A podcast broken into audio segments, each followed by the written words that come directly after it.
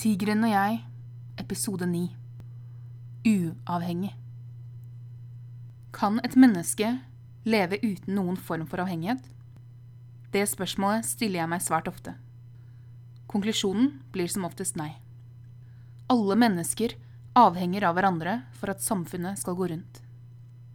Dersom det skjer en ulykke, er vi avhengig av at helsepersonell er på jobb og har ressurser til å hjelpe. For å komme deg på skolen er du avhengig av at et individ med busskunnskaper gidder å stå opp og kjøre deg dit. Menneskeheten er avhengig av reproduksjon for å fortsette sin eksistens, og du er avhengig av å ta vare på deg selv for å kunne ta vare på andre. Generell avhengighet er noe alle kan kjenne seg igjen i. Men så er det noen former for avhengighet man ikke forstår eller er enig i. Det kan være f.eks. religionsavhengighet, treningsavhengighet eller substansavhengighet. I mitt syn blir du avhengig av din religion. Jeg bryr meg ikke om hvilken gud du abonnerer på, for uansett religion blir man avhengig av bekreftelsen eller freden religionen gir deg. Det er store likhetstrekk ved f.eks. bønn og meditasjon.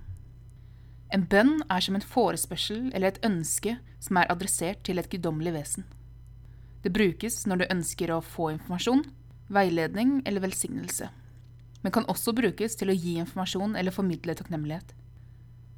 Meditasjon går ut på å nå ditt indre selv og fokusere på ens egen bevissthet.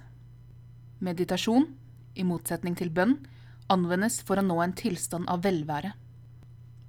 Bønn brukes altså til å søke etter svar, mens meditasjon fokuserer på positivitet og selvfølelse. Begge instanser brukes derimot for å få bekreftelse på måten du lever ditt liv på. Du leter etter tegn på at du ikke er helt på villspor, og søker høyere, ytre eller indre makter for å takle livets store spørsmål. Jeg har drevet med både bønn og meditasjon tidligere. Når du føler at ingen rundt deg forstår deg, og livet ikke er tålelig, da begynner du å be. Det jeg derimot ber om, har endret seg mye fra jeg var barn. Som barn ba jeg ofte om at jeg skulle våkne opp dagen etter med flat mage. Det var den eneste måten jeg kunne tenke meg at andre kom til å respektere meg for den jeg var. Jeg ble skuffet hver gang jeg våknet opp likedan som dagen før. Jeg trøstet meg med at Gud hadde mye å gjøre, og at jeg bare måtte være tålmodig. Jeg ønsket jo selvsagt at Gud svarte de sykes bønner først. En periode på ungdomsskolen følte jeg meg mer spiritualistisk og sluttet mer eller mindre å be. Ikke det at jeg hadde vært en som ba daglig, men ofte nok til at jeg aktivt avsluttet det. Jeg hadde innsett at Gud ikke kunne trylle, og at jeg aldri ville bli tynnere uten egeninnsats. Jeg la også fra meg tanken om at alt kom til å ordne seg, at jeg kom til å leve lykkelig alle mine dager, bare jeg ble tynn. Etter at jeg som 16-åring fikk et sammenbrudd og måtte forlate den videregående skolen etter bare fire dager, begynte jeg å meditere. Jeg gjenopplevde hva jeg hadde gjort på daglig basis, og forsøkte å finne fred med min oppvekst som overvektig forsøkskanin. Samtidig mesket jeg meg i amerikanske TV-serier produsert for min alder. Jeg følte meg normal da jeg så filmer som endte med rettferdighet. Jeg følte også at 16, det måtte være tidenes alder. Jeg gråt natten jeg bikket til å bli 17. Ikke visste jeg da at det kom til å bli et vanskelig år på det tidspunktet.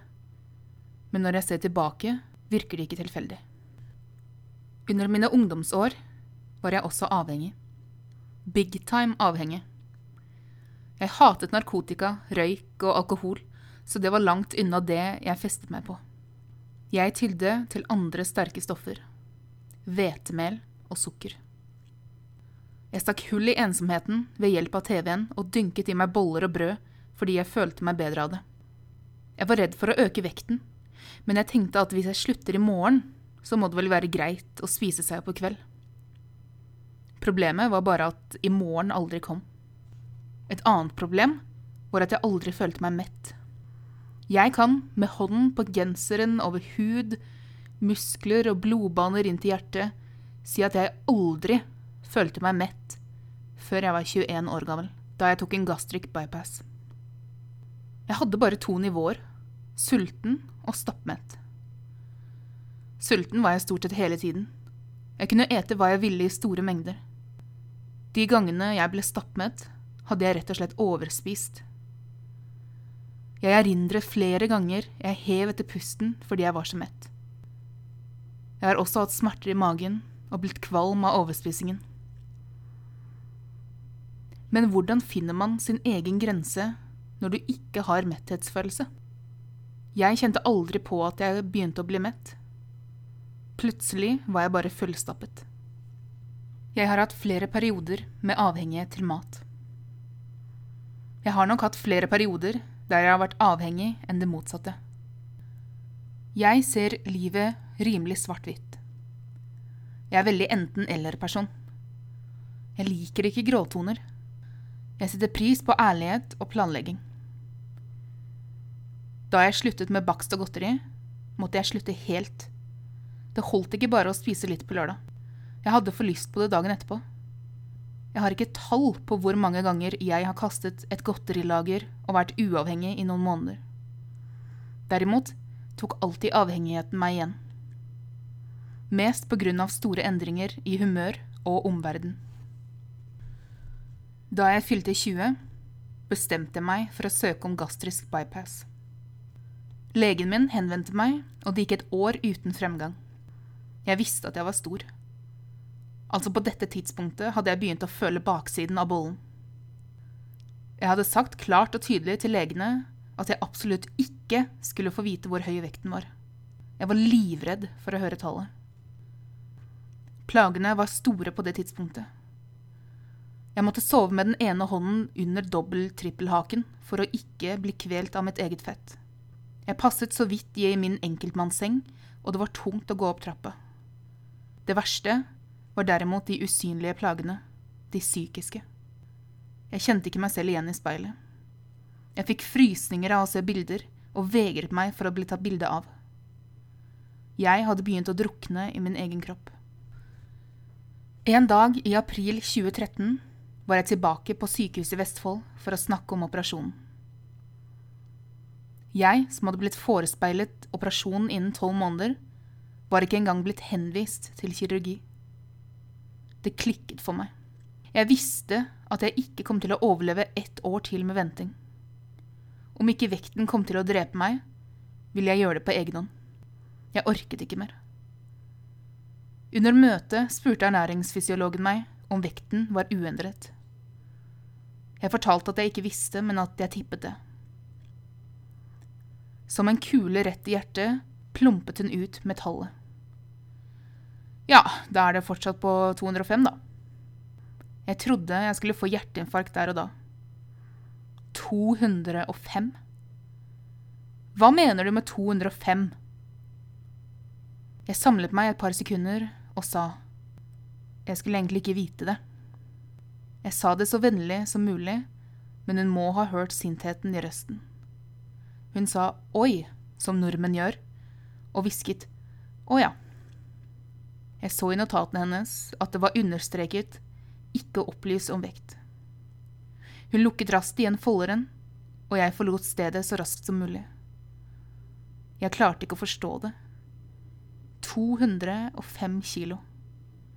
Det var helt grusomt. Da jeg kom hjem, bestemte jeg meg for å søke om lån og ta operasjonen privat. Dette var et livsnødvendig inngrep. Ikke bare hadde jeg fått diabetes, men jeg var langt nede i gjørmen følelsesmessig. Jeg hadde hatt diagnosen angst i ett år før jeg lå på operasjonsbenken et sted midt i Oslo. Da jeg våknet opp etter operasjonen, angret jeg enormt. Jeg hadde tatt et enormt steg. Endret min anatomi og til og med betalt for det av egen lomme. Problemet var mest at jeg var redd og usikker på hva jeg nå skulle ty til når depresjonen eller angsten ble for ille. Jeg hadde frarøvet meg selv min trøstemaskin. Hvem var jeg uten muligheten til å spise hva jeg ville? Jeg satt der på informasjonsmøte et par dager senere og ønsket bare å komme hjem. Jeg googlet intenst etter muligheten for å reversere hele avgjørelsen. Ordet 'irreversible' gjorde meg bare irritert. Selv om de aldri hadde reversert en distal bypass, kunne de jo prøve på meg. Jeg hatet min nye mage. Jeg kunne ikke fordra stiftene over seks ulike striper på magen. Jeg hatet alle i verden. Jeg følte at ingen var på min side. Jeg følte at selv om jeg hadde betalt for dette inngrepet, burde noen ha stoppet meg. Det ble noen vanskelige måneder etter juni 2013. Men året senere postet jeg denne oppdateringen på Facebook. 21. juni 2014. For nøyaktig ett år siden tok jeg mitt livs vanskeligste og viktigste valg. Livet eller døden. Jeg var redd, men også styrket av et bitte lite håp om en bedre livskvalitet. Det er skummelt å velge livet også. Hvordan kommer det til å bli? Hva endrer seg? Hvem blir den nye jeg? I dag, ett langt år etter, er jeg høyst takknemlig for at jeg valgte livet. Selv om livet verken er perfekt eller en dans på roser, har jeg en sjanse til å gjøre resten av livet mitt til ett fullt av opplevelser. Og lykke er kanskje nettopp det opplevelser, livssituasjoner, gode som onde. Jeg tenkte lenge at livet ikke var verdt å leve, og noen ganger dukker tankene opp igjen, men sjeldnere og sjeldnere. Det er ikke lett å velge livet. For dere som ikke har tatt hintet, for dere som ikke har sett meg på byen eller hørt folkemunne, ble jeg operert for overvekt fredag 21. juni 2013. Ukene som fulgte, var noen av de tøffeste i min eksistens. Jeg angret til å begynne med. Som sagt, det er ikke bare lett å velge livet. Det er den mest harde og mest fantastiske ruten. Jeg elsker musikk. Jeg puster musikk.